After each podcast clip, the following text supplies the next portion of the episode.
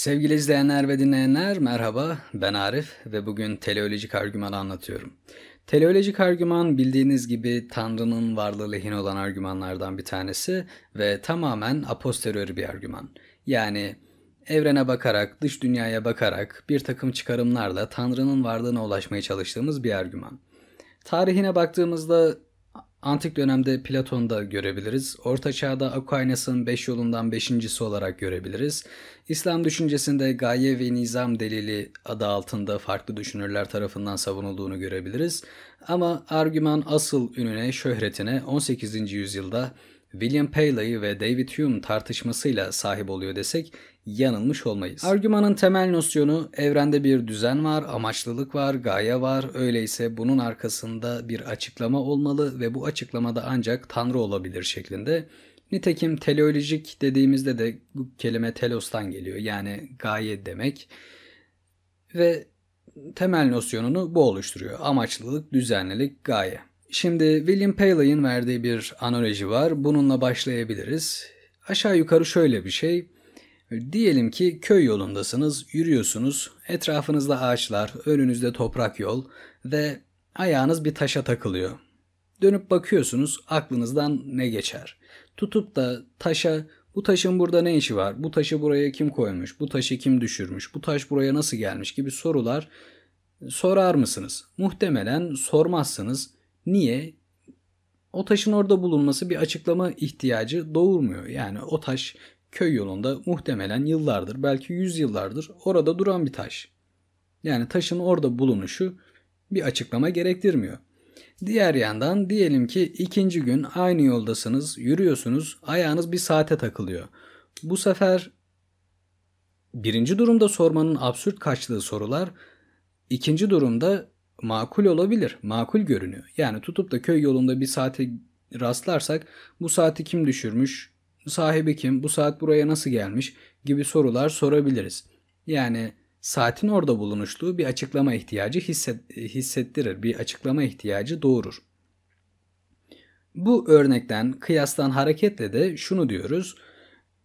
Evrene baktığımızda bu bir taş değil, saat, bilhassa dünyaya baktığımızda ve bunun bir açıklamaya ihtiyacı var. Öyleyse bunun arkasında bu açıklamayı sağlayacak bir yaratıcı olmalı. Peki bu böyle mi? Yapılan eleştiriler var. Birinci eleştiri bu tarz argümanlara ve bu argümana genel olarak yapılan eleştiri şu rastgelelik. Yani tüm bunların rastgele oluştuğu şeklinde bir eleştiri var. Tabii rastgele derken insanlar da yani hokus pokus şeklinde bir rastgelelik iddia etmiyor. Yine bir nedenselliğin olduğunu ama bu nedenselliğin arkasında başka bir şeyin olmadığını söylüyorlar. Öncelikle gerçek anlamda yani bizim günlük anlamda kullandığımız şekilde bir rastgelelik var mı? Ona bir bakalım. Böyle bir şey yok. Yani eğer rastgelelikten kastınız bu şekildeyse, öylesine olmaklık gibi bir, şeyse böyle bir şey yok. Böyle bir şeyin olması mümkün değildir. Yani rastgele dediğimizde bir biz bir şeye genelde genelde değil her zaman isterseniz hayatınızı gözünüzün önünden geçirin. yani rastgele rastgele ne zaman demişsiniz? Şöyle durumlarda diyoruz genelde.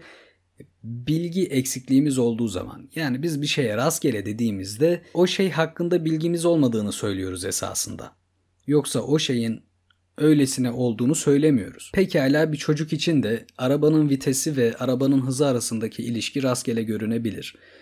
Vites ileri geri sağa sola bir yerlere gidiyor ve araba hızlanıyor, yavaşlıyor. Mesela 5 yaşındaki çocuk aradaki bağıntıyı kuramadığı için buna rastgele diyebilir. Ama bu esasında onun bilgisizliğidir. Yani biz bir şeye rastgele dediğimizde o şey hakkında bilgi vermiyoruz. Daha ziyade daha ziyade değil, aksine kendi bilgi durumumuz hakkında bilgi veriyoruz ve şunu diyoruz, bu şeyin niçin böyle olduğunu bilmiyorum. Rastgele demek bu demek. Yoksa rastgele demek bir şeyin rastgele olmaklığını söylemek bir açıklama doğurmuyor. Pekala bunun ikinci adımı olarak yani bu eleştiriyi savuşturduktan sonra gelecek eleştiri şu olacak.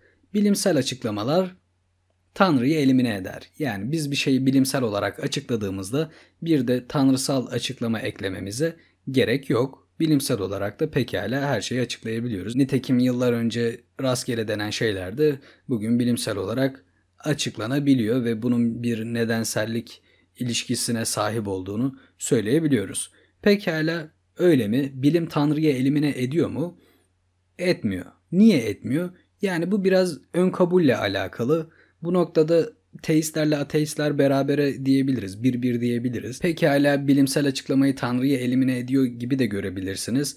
İşte boşlukların tanrısını artık boş yer kalmadı gibi de görebilirsiniz. O boşlukları bilimle dolduruyor gibi görebilirsiniz.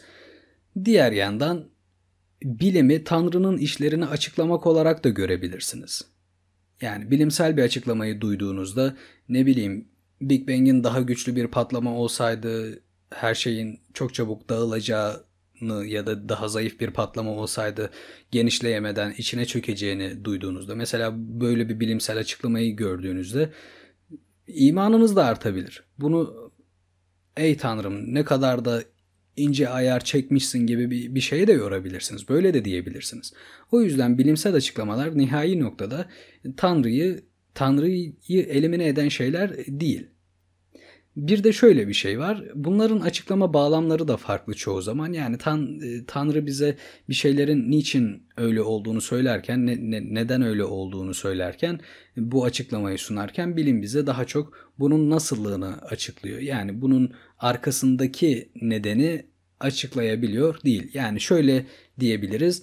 Analojiye baktığımızda saate elimize alıp da işte bu saat köstekli bir saat mi, kol saat mi, kurma kollu mu, güneş enerjisiyle mi çalışıyor, hareketle mi çalışıyor neyse bunları incelerken bilimi kullanabiliyoruz ama daha sonraki soruşturmalarımızda bu saat buraya nasıl gelmiş dediğim, niye gelmiş dediğimizde, biri mi düşürmüş, nasıl olmuş dediğimizde farklı bir açıklama türüne geçiyoruz artık. Ve böyle baktığımızda da bilim Tanrı'yı elimine edemiyor. Teistik bir bakış açısıyla destekliyor da diyebiliriz. Pekala bu noktadan sonra üçüncü eleştiri şu oluyor. Rastgelelik tutmadı. Bilimsel açıklama Tanrı'yı elimine ediyor muydu? Etmiyordu. Hatta destekliyor bile olabilir.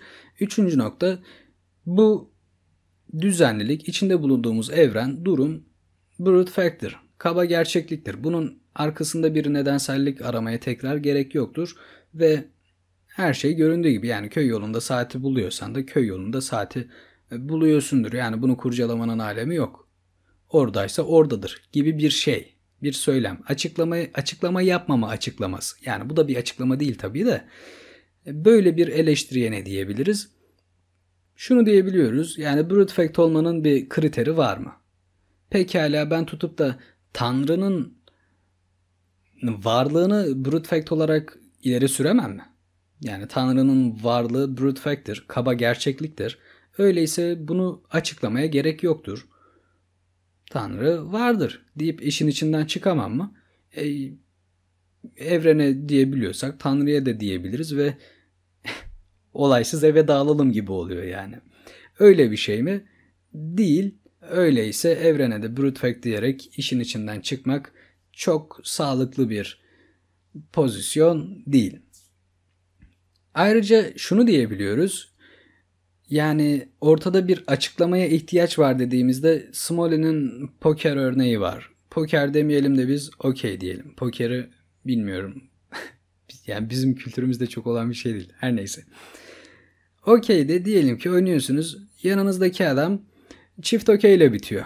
E, birinci el bitti. Vay dersin şanslı gününde. İkin, ikincisinde bitti. E, Hayrola dersin sadaka mı verdin dersin. 3, 4, 5, 10 kere adam çift okeyle bitti. Yani bir yerde e, ne oluyor da dersin hani bunun bir açıklamaya ihtiyacı var duruma gelir artık. Değil mi? Yani bir noktadan sonra çift okeyle bitmek normal bir durum olmaktan çıkar. Denk gelmeklikten de çıkar, rastgelelikten de çıkar tırnak içinde. Öyleyse evrene bakıyoruz. Evrende de dünyanın bu noktaya gelmesi ve canlılığın oluşması için 100 bin işte aklıma en, en büyük gelen sayı bu. 100 bin. 100 bin defa çift okeyle bitmek gibi bir şey yani. Böyle bir şey 100 bin defa çift okeyle bitmek açıklamayı gerektirir. Yaparsınız yani. Yanınızdaki adam 3 kere çift okeyle bitse ne oluyor dersin. Hayırdır dersin hani bizi mi koparıyorsun dersin. Öyle değil mi?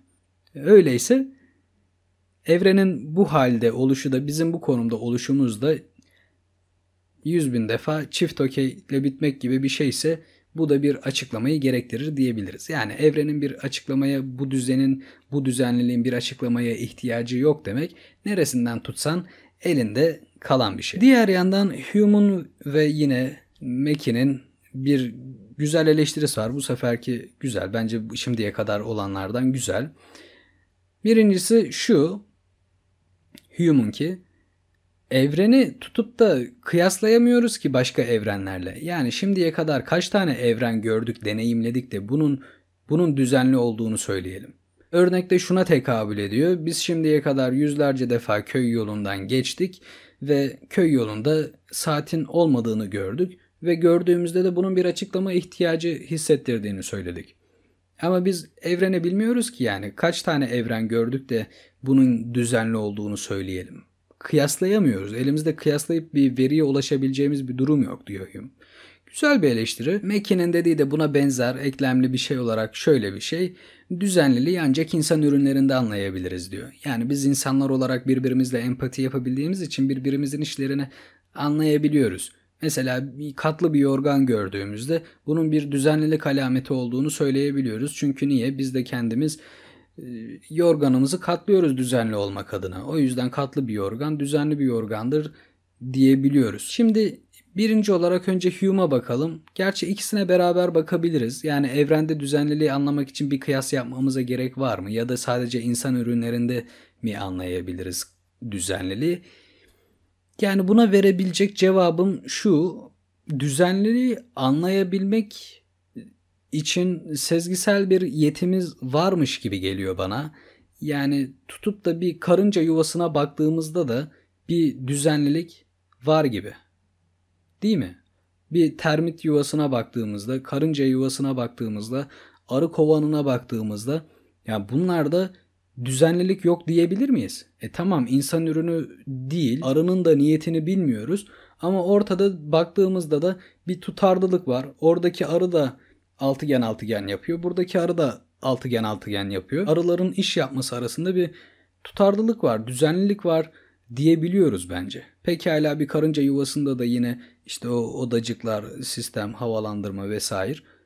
Yine bunlarda da bir düzenlilik görebiliyoruz.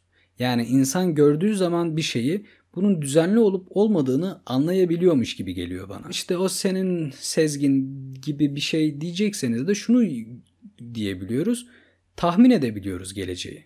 Yani evrene bakıp da veya dünya içerisinde işte 3 gün sonrasının 5 gün sonrasının havasını tahmin edebiliyoruz. Veya matematiksel bir hesap yapıp bunu gerçeğe uygulayabiliyoruz. Yani matematiğin ve gerçeğin uyumlu olması. Hadi 3-5 gün bulut dedik 10 yıl sonraki yıldız geçmesini vesaire yani ölçeği büyüttüğümüzde bu tahmin edilebilirlik de artıyor. Bunları yapabiliyoruz. Eğer biz bunu yapabiliyorsak yani matematiksel bir hesaplama pratikte de gerçekte de bize aynı şekilde yansıyorsa, benzer şekilde, yakın şekilde, çok yakın şekilde yansıyorsa e o zaman burada bir düzenlilik olduğunu iddia edebiliriz bence. Bunu iddia edebilmek için de evrenleri kıyaslamamıza ya da sadece insan ürünlerine bakmamıza gerek yok. Biz farklı şekillerde de bahsettiğim şekillerde de yine evrende düzenlilik olduğunu iddia edebiliyoruz. Yine Hume tecrübemizin kısıtlılığına işaret eder. Yani bizim bilgimiz ne ki koca evren hakkında düzenli diyelim veya dünya hakkında düzenli değilim. Ne kadarını biliyoruz da düzenli diyeceğiz. E tabi Hume'dan bu zamana kadar bilim gelişti ve biz artık çok daha büyük kısmını gözlemleyebiliyoruz evrenin. Ha yine geneline kıyasladığımızda küçük bir kısmı ediyor bu büyük kısım. yani büyük alan. Ama en azından şunu bilmek evrenin tamamı hakkında bir düzenlilik iddiasında bulunabileceğimizi işaret ediyor bence. Big Bang'in işte saniyenin bilmem kaçta kaçındaki vaziyetleri hakkında bilgi sahibi olabiliyoruz. Yani ilk anda biraz daha fazla daha biraz daha güçlü patlasaydı çok çabuk dağılırdı. Biraz daha güçsüz patlasaydı genişleyemeden içine çökerdi diyebiliyoruz. Yani işin en başında bir düzenlilik olduğunu gördükten sonra bir amaçlılık olduğunu gördükten sonra sonrasında da bunun böyle devam edeceğini beklemek oldukça makul bir beklenti haline alıyor. Diğer yandan da yine kütle çekimi dediğimizde, entropi dediğimizde çok genel yasalardan bahsediyoruz ve bu genel yasalar evet evrenin tamamını bunu deneyimlememiz mümkün değil muhtemelen hiçbir zaman ama yine de bunların böyle olmasını beklemek makul bir beklenti. Farklı bir eleştiri Sober şunu söylüyor bize zaten düzensiz olanı gözlemleyemiyoruz. Öyle mi? Yani biz baktığımızda bir şeyi gözlemlerken zaten tekrar eden şeyleri gözlemleyebiliyoruz ve birbiriyle tutarlı hareket eden şeyleri gözlemleyip düzenli olduğunu söyleyebiliyoruz. Yani bir şey şöyle pıt diye geçiyor mesela. Hani ne oldu derken geçiyor. Yani düzensiz bir şeymişti zaten ve biz bunu anlayamamamız, gözlemleyememiz oldukça normal diyor. Öyle mi? Olabilir mi? Olabilir. Ama bu noktada şunu diyebiliriz. E iyi de bunun varlığını iddia etmek de varsayımsal bir şey. Pekala dediğin gibi olabilir. Biz gözlemlerken düzenli şeyleri hani filtreleyerek zaten gözümüze, algımıza düzenli olan şeyler takılıyor olabilir. Diğerlerini gözlemleyemiyor olabiliriz. Ama diğerleri derken de neyi kastediyoruz? Böyle bir şey gerçekten var mı yoksa bu varsayımsal bir şey mi? Bu noktada emin olam emin olamıyoruz. Yani bu ya şu an rüyadaysan gibi bir şey oluyor. Absürt bir durum oluşturuyor. Yani düzensiz bir şey var ama biz gözlemleyemiyoruz. Bu biraz saçma bir iddia açıkçası. Hume'un bir diğer eleştirisi de şu, nedenselliğin zihinde olduğu yönünde. Yani dışarıda bir şeyler oluyor ama biz onlar arasında nedensellik kuruyoruz. Düzen dediğimiz şey de zaten bu nedenselliğe dayanıyor yine.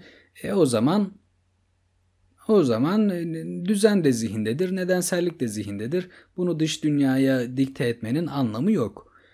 Hume'a burada şunu diyebiliyoruz. Yani biz bu nedenselliği doğuştan mı getirdik? Muhtemelen bunu kabul etmeyecektir Hume. Yani insanın zihninde kurulu bir sistemle geldiğini kabul etmeyecektir.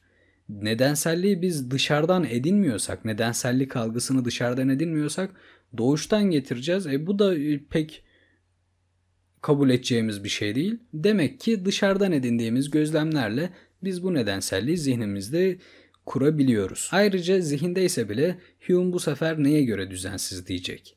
Yani e tamam evrenin düzenliliği hadi zihnimizde dedik, nedensellik zihnimizde dedik. E bunun aksinin dışarıda olduğunu iddia etmeye nasıl götürüyoruz işi? O zihindeyse o da zihinde olmuş olacak. Yani bu eleştiri de çok yerinde bir eleştiri değil. Bir diğer eleştiri de şu, saçma bir eleştiri açıkçası. Düzen olmasa zaten bunu da sorgulayamazdın şeklinde bir eleştiri.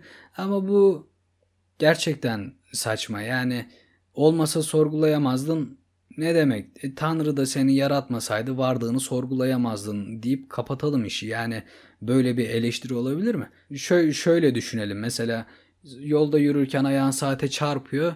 Şunu düşünüyorsun. Bu saat burada olmasa zaten ayağın bu saate çarpamazdı. Açıklama bitti. Ya böyle bir şey olabilir mi? Olamaz. Öyleyse böyle bir eleştiri de saçma bir eleştiridir diyebiliriz. Son eleştiri noktası olarak da yine Hume'dan bir eleştiriye değinelim. Diyor ki e hadi Tanrı'ya götürsün bu argümanınız ama niye teizmin tanrısına götürsün? Niye politeizm ya da panteizm doğru olmasın? Çok tanrıcılık ya da tüm tanrıcılık niye doğru olmasın da tek tanrıcılık doğru olsun? Hume bize bunu soracak. Madem analoji yapıyoruz, e, baktığımızda analojide de saatin yapıcısına düşünelim mesela. E, camcısı ayrıdır, demirini döven ayrıdır, işte mekaniğini kuran usta ayrıdır. E, belki bunları birleştiren ayrıdır. Öyleyse niye tek tanrıya ulaşalım? Birden fazla tanrıya ulaşmamız lazım eğer analoji üzerinden gideceksek diyor Hume. Öyle mi? E, velev ki öyle olsun. Hume'a tutup da e hadi gel birden fazla tanrıya iman edelim desek kabul edecek mi? etmeyecek muhtemelen. Yani buradaki tutumu da zaten biraz sarkastik geliyor bana. Yani burada diyebileceğimiz şey önce bir tanrıya bunun arkasında bir tasarımcının olması gerektiğine ulaşalım.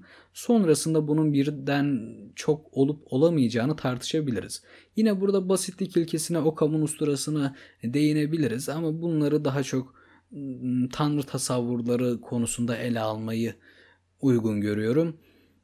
Burada yine Hume'a genel olarak diyebileceğimiz önce bir tanrıya ulaştırsın da e, bunu kabul et sonrasını ayrıca tartışalım diyebiliriz. Pekala argüman genel olarak bu şekilde. Daha ileri tartışmalar yapılabilir. Evrenin düzenliliği ile alakalı tonla örnek verilebilir. Nitekim açıp Kozmos'u belgesele izlesek bunun örnekleriyle doludur diyebiliriz. Favori argümanım diyemeyeceğim argüman için. Diğerlerinin yanında biraz zayıf kalıyor. Biraz böyle ön, ön kabullere dayanıyormuş gibi geliyor. Ama tabii sezgisel yönü yüksek bir argüman. Yani bireysel anlamda tut, tutup da tefekkür ederken insanın e, içine gıdıklayan bir argüman. Tek başına çok güçlü olmasa da destekleyici olarak kullanılabilir diyebiliriz. Yine daha ileri sorup soruşturmak istediğiniz, eleştirmek istediğiniz bir şeyler varsa iletişim kanalları yoluyla benimle etkileşime geçebilirsiniz. Memnun olurum. O halde burada noktalayalım. Kendinize iyi bakın. Sağlıcakla kalın.